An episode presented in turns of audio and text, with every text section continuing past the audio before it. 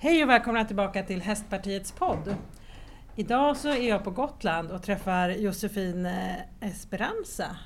Hej Josefin, vad kul att jag får komma hit. Ja, hej, tack så jättemycket att du är här.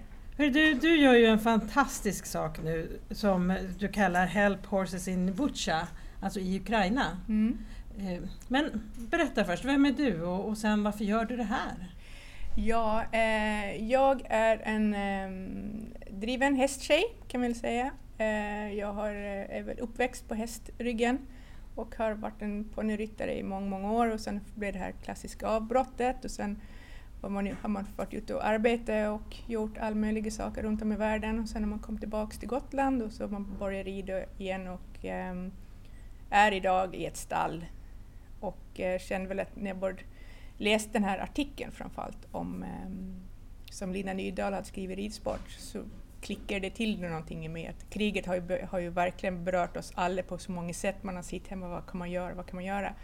Vad stod det i den här artikeln för de som Ja, inte läst den? Det var en artikel hon hade skrivit, det var om eh, en anläggning i Butja där eh, landslagsryttare tränar på, det var ett stort stall på den nivån.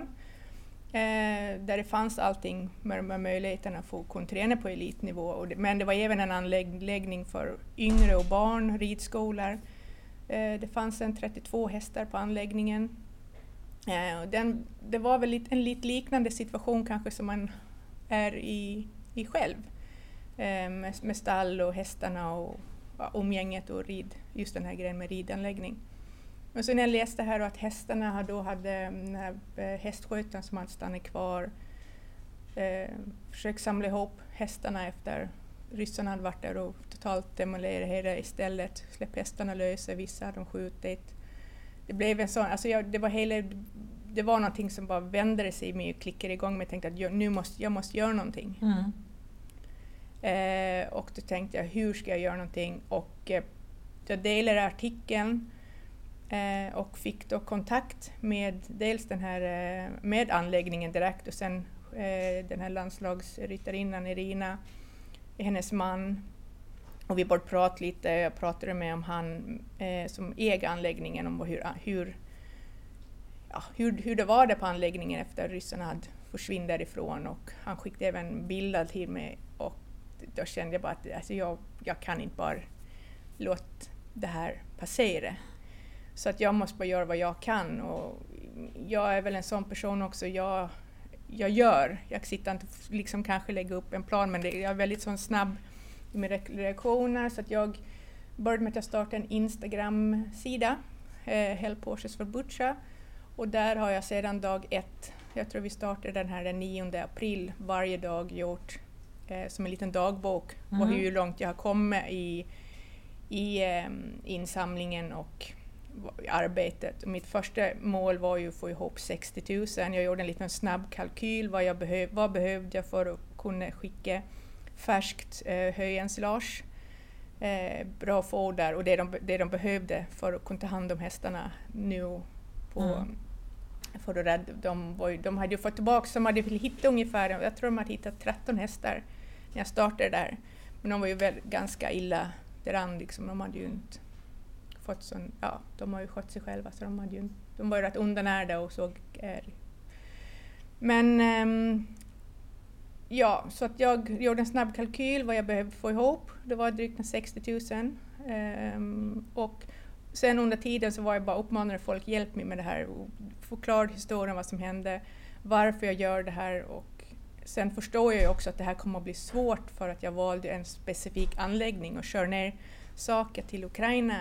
Det är ju inte så svårt utan det, det finns ju så många organisationer och alla vill ju hjälpa Mm. till. Sådär, men jag var ju väldigt mån om att det är de här människorna jag vill hjälpa. Mm. Samtidigt så hade, vi, hade jag kontakt med Andrew i stort sett varje dag. Andrew var, är eh, Irinas eh, man eh, som också är kvar där nere i Butja. Eh, vad som händer och vad de behöver och Mm. via Google Translate så att det har väl inte varit all, så lätt alla, alla gånger kan jag säga med, med ukrainska och svenskan där. Men eh, jag tror vi, vi har lyckats ganska så, så bra med att förstå varandra. Men jag lyckades då i alla fall eh, vara en bonde i, eh, i eh, Södertälje, utanför Södertälje som sponsrar med massa hö mm. än Lars. Eh, jag fick ju jätterespons ifrån, alltså hästfolk är ju väldigt, alltså, de vill ju hjälpa till. Ja. Så att jag fick ju med mig, jag fick ju ihop pengar ganska så, så snabbt, även om det, små, det var ju väldigt mycket småsummor. Ja. Men när man är många så alltså, det spelar ingen roll, liksom. då, mm. då blir det stora summor. Det var en, och en ridklubb här på Gotland eh, donerade över 10 000 kronor efter en klubbtävling de hade haft. Ja, det var det inlägget mm. jag såg, så var därför jag Ja, men precis. Det var ju, och det, och det, fick syn på ja, dig. och det gjorde ju mig helt liksom, där blev jag, där, då brast det lite för mig för att de, hade, de pengarna hade jag inte ens bett om utan Nej. de bara kontaktade mig, nu har vi gjort det här. Och då kände jag bara att, åh gud, vilka mm. människor det finns. Och sen har det varit många olika privatpersoner också som har varit helt fantastiska ja. som har, som har uh, hjälpt till. Uh, och sen så hade jag uh, ett bud här från Gotland som då hjälpte mig att köra um, grejerna härifrån. Och då hade vi samlat upp det jag hade fått tag på i, som jag fått i, jag, köpt, jag köpte mig ganska mycket hö, eller inte hö, förlåt, jag köpte mycket fodersäckar mm. som mash och lite allmänna proteiner, vitaminer, mm. lite sådana saker. Um, och sen fick vi lite spons på vissa saker. Eh, jag var vid en veterinär här i Roma och fick lite så förnödenhet så man kan lägga om sår mm. och mm. den biten. Eh, och så körde vi det härifrån och så var han och hämtade upp, jag tror vi fick ihop en ja, 22 balar av 300, kronor, 300 kilo styck. Mm. Så det blev ju ganska mycket. Och mitt, sen var det ju det här med att jag skulle få sakerna till, in till Kiev. Det här stället ligger ju lite utanför, en 12 kilometer utanför Kiev. Mm. Så att, att hitta en transportör då som kunde köra det här hela vägen ner var väl inte så himla lätt, men jag hittade ett ställe i eh, München. En, en kille som då kör via Tyskland, Polen och sen kör han ända in i Ukraina. Mm. Så att jag körde, hade kontakt med honom, pratade med honom och det var ju också mycket så här säkerställe att det här nu verkligen komma fram. Ja. Så att liksom, och samtidigt under tiden bara liksom se till att insamlingen rullar på. Mm. Så att jag startade insamlingen först och sen såg jag till liksom, hur ska jag göra det här men och sen var det viktigt för mig att veta att det här kommer att komma fram. Mm. Eh, och Vlad som jag fick kontakt med där nere, han hjälpte mig mycket mm. med det. Så att, eh, vi körde ner det till Tyskland, till hans eh, omlastningsställe. Och nu är det i alla fall i Ukraina. Så väntar du på att det ska komma fram till Ja, ja. Det, det, är ju inte lätt att leverera i ett krigshärjat land. Eh, transporten har ju egentligen varit redo och kunde um, levereras tidigare men det har varit svårt att ta sig in. Det tog väl nästan en till två dagar att ta sig över gränsen. Det var enorma mm. köer. Mm problem med liksom bensin, hitta bensin mm. Och drivmedel till bilarna. Som de, de går ju tomma efter ett tag. Sen har de utegångsförbud efter tio tror jag, mm. eller åtta mm. eller något ja, sånt där. Så, så att det, ja, nej, Precis. Och mm. sen också vilka vägar man kan köra på och inkör på. Så att, um, just nu, är, jag, nu vill jag ju bara att det ska komma fram, men nu är den bilen i Ukraina. Mm. Och um, under morgondagen, eller idag, så ska det vara framme. Liksom. Jag pratade ja. med Andrew i morse och då hade han fått eh, hade, de haft, hade han haft kontakt med chauffören. Så att de, det är på rull men ja. det är svårt och man kan inte säga tiderna. Liksom. Men det känns ändå säkert? Du känner inte att det, du är inte orolig för att den här nej, transporten nej, ska komma bort på nej, vägen? Nej, det, alltså sen, det vet man väl aldrig vad som kan hända i ett land i krig. eh, men nej, jag känner mig inte orolig utan nu vet jag att den är där och jag får liksom bilder och att jag vet att mm. det, och sen hoppas jag att han, att han får allting. Sen ska de ju också kunna. Mm. Eh, men det, det, hoppas jag verkligen. Mm. Sen är det här också ett, efter det här så är det inte, vi är inte färdiga med att den här lasten kommer fram utan det här är ju ett, någonting som jag har, har startat och jag vill fortsätta och hjälpa den här anläggningen, hjälpa folken där nere i Butja och eh, de här ryttarna, hästarna framför allt. Och ha ett så drägligt liv som de kan i den här situationen de är nu. Mm. Kanske liksom hjälp dem komma tillbaka till träning och bygga upp häst. Alltså hela, så att det här är ju ett arbete som bara startar. Jag är ju inte färdig bara för att jag har en bil som har Nej, är på precis. rull utan jag vill ju ha fler bilar på rull. Mm. Jag vill ju, nästa gång vi gör det här då, får, då vet man det, då kanske man får ha, alltså man lär sig ju saker under tidens gång. Men eh, du var aldrig sugen på att följa med lastbilen ner? Nej, oh gud! När jag var, hade sån problem med det här, jag inte visste hur, hur jag skulle få ner det, för att, i och med att mitt, det jag var så angelägen om var ju att, liksom att för det var ju så många, men det, vi kan köra, vi kan köra ner det, men jag, vill, jag kan inte bara, det ska inte vara till gränsen och sen Nej. köras vidare, utan för mig är det jätteviktigt att det här kommer fram. Ja. Så att jag, var, jag ville absolut åka med ner, men i det här upptäckte jag att eh, mitt pass hade gått ut i april i år trodde jag, men det visade sig eftersom det har varit en pandemi så har man ju inte koll, haft koll på sitt... Man skulle inte åka någonstans, så mitt pass gick faktiskt just förra året. Oj! Ja. Och när jag då skulle försöka göra ett nytt, då var det ju passtiderna som hette duga. Ja. Så att eh, jag hade ju inget pass. Fick tid i september Jag eller? fick tid i september och oktober, jag kollade varje dag, varje timme så att jag tryckte. Och sen, men sen fick jag en tid så att jag var och gjorde ett nytt pass den första ehm, april faktiskt. Mhm. Eh, Jag trodde det var ett litet aprilskämt när jag såg tiden, men det var det faktiskt inte. Så då var jag, gick, jag åkte dit snabbt och fick, men sen efter, då sen så sa de att "Ja, men nu kommer det ta en fem till sex, ja, drygt en vecka innan du får det, men det Mm. gjorde det ju inte. Och jag fick faktiskt, eh, lasten härifrån gick förra, ja, för drygt en vecka sedan, lite mer. Och dagen efter så var mitt pass klart. Ja. Så att, ehm, nu har jag ett pass, så att jag, kom, på, jag, ska, jag kommer åka ner där, absolut. Mm. Ehm, sen får man ju se vad hur och när det blir, men Mm. absolut ska jag ner till dem där på anläggningen. Och det, är ju, det är ju det vi pratar när vi, vi, vi Det är rätt så härligt att prata med de här människorna, för även i den situationen de är i så är de... Jag, jag, jag får ingen sån här känsla av att de är... De har ett otroligt mod, alltså mod och eh, energi och driv måste jag säga. Mm, Jag, mm. jag, det, är, eh, jag, jag får ingen, jag får, det är klart jag förstår att de har det svårt och det är jobbigt och att det är splittrat och att allting är som det är men jag får ändå en... De är väldigt eh, trevliga om, Mm. att göra med. Mm. Mm. Hur har de det tänker jag med mat och eh, förnödenheter? Det, har jag, det är ju det jag, jag har vi har inte pratat så mycket om det, vi försöker mest bara prata om hästarna. Men eh, det är ju eh, det är ju Irinas man då, eh, Andrei och Bogdan tror jag han heter som äger stället och så är det han den här hästskötaren, de är ju kvar där nere. Eh, de andra fruar, eller de har ju är på ett annat lite säkrare eh, ställe men de, i, i Kiev är det ju relativt lugnt nu utan det är ju runt omkring det härjas men situationen i Butja är ju fortfarande väldigt, alltså det ser ju, det ligger ju döda människor, alltså det är, det är en ganska horribel ställe. Mm. Ehm, så att, så att ja, det är, det är ingen här, så det är inte den här den härliga gemytliga platsen den var från början kan jag Nej. tänka mig. Men vilken fantastisk grej att göra och nu tänker du att du ska fortsätta med det här och hjälpa dem. Ja. Vad är nu nästa steg? När går nästa transport? Ja, ja, nu är vi först och främst eh, bara se till att den här eh, är framme. Eh, och efter det så kommer jag fortsätta och liksom sprida informationen, att folk engagerar sig. Framförallt, det är ju Instagram är, är ju mitt Mm. eh, största, där man kan läsa om, då är, då är det Help Horses in Butcha.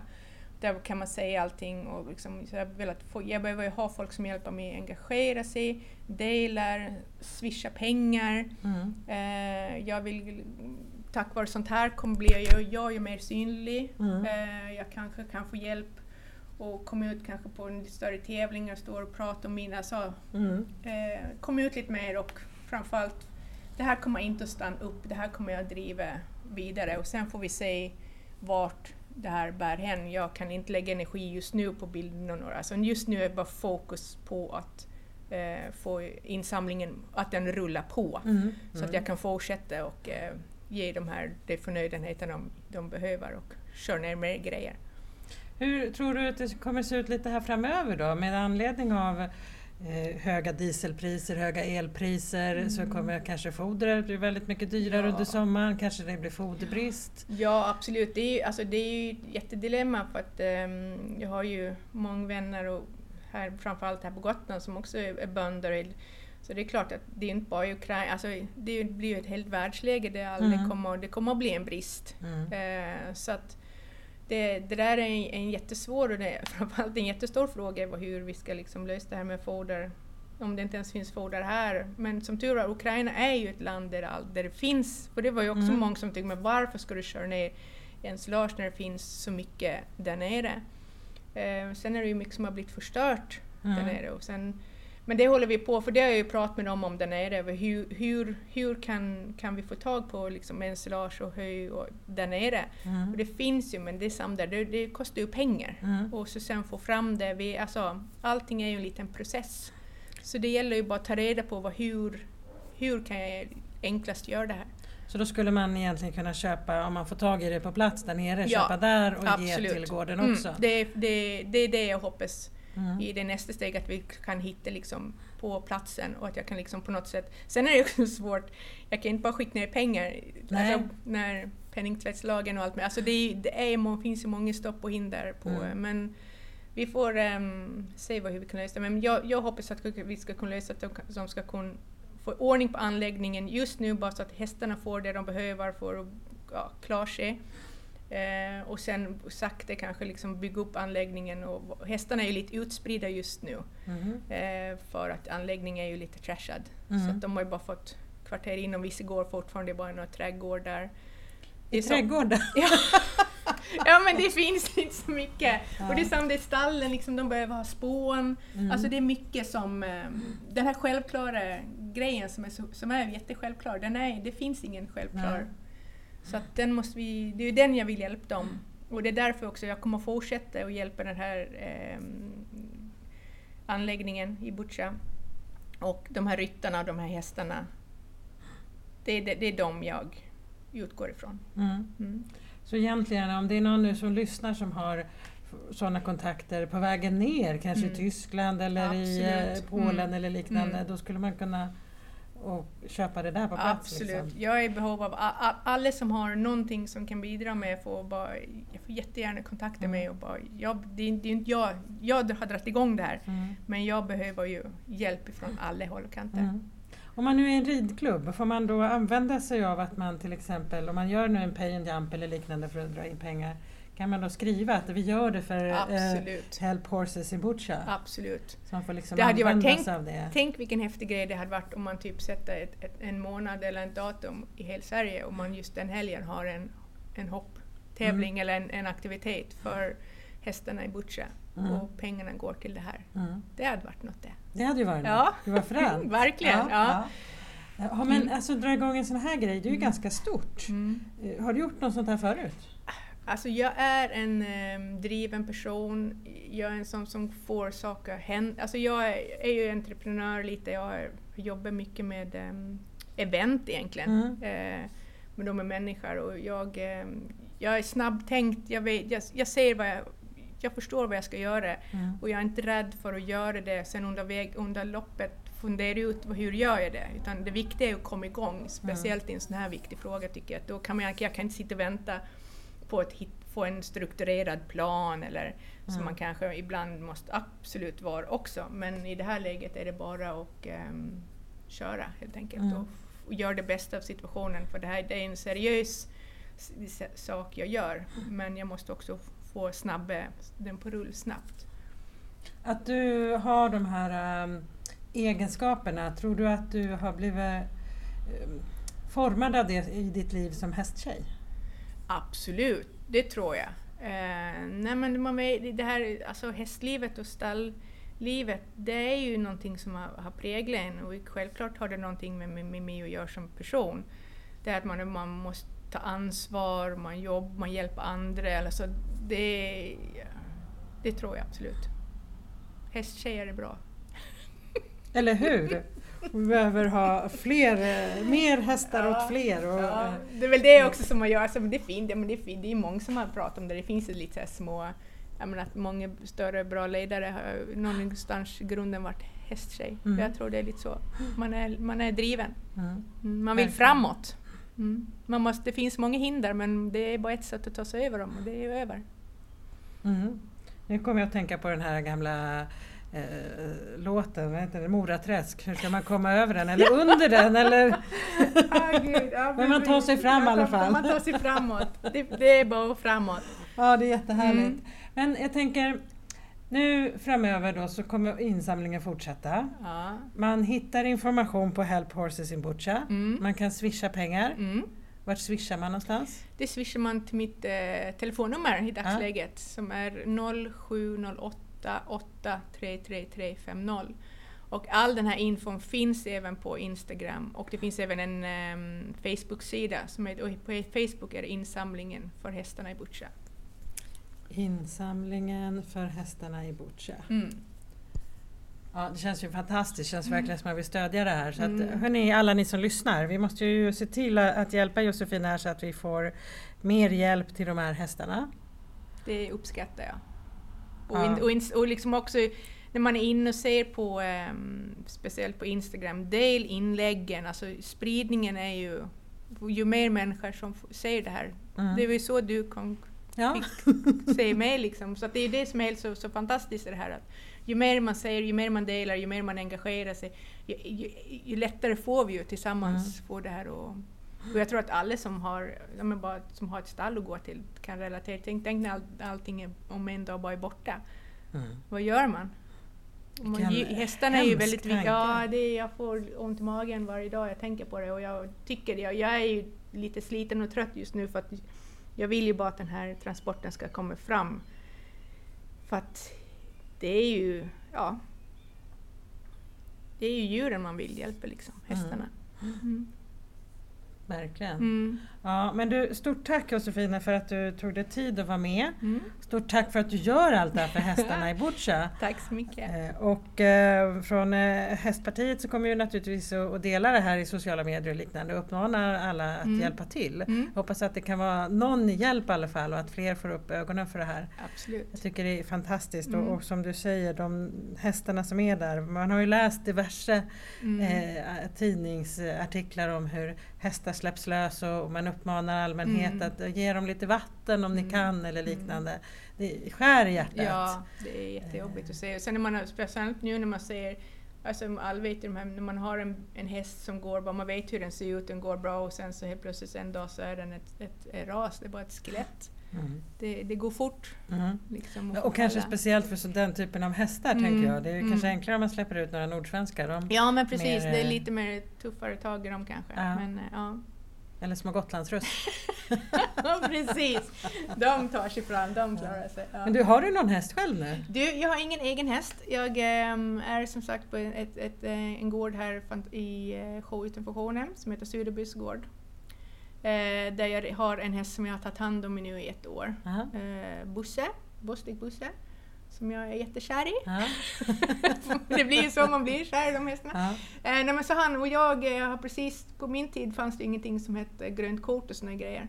Utan då tävlar man bara, så jag har precis tagit grönt kort så jag ska ju ut och jag ska ju tävla och Ja. det är hoppning jag eh, ska hålla på med. Fränt. Ja, det är jätteroligt. Så Ja. att, eh, en dag kanske jag får min egen häst. Vi får Ja. se. Men ehm, just nu, jag rider väl en fem, fem sex dagar i veckan. Ja. Mm. Härligt. Mm. Ja. Toppen är det. Och så har du ditt vanliga jobb och så gör det här ovanpå det. Ja. Ja, precis. Jag är butikschef förutom det här. Och har, sen är jag engagerad i massa andra... Men jag är... Jag gillar... Man kan... Jag har inget barn.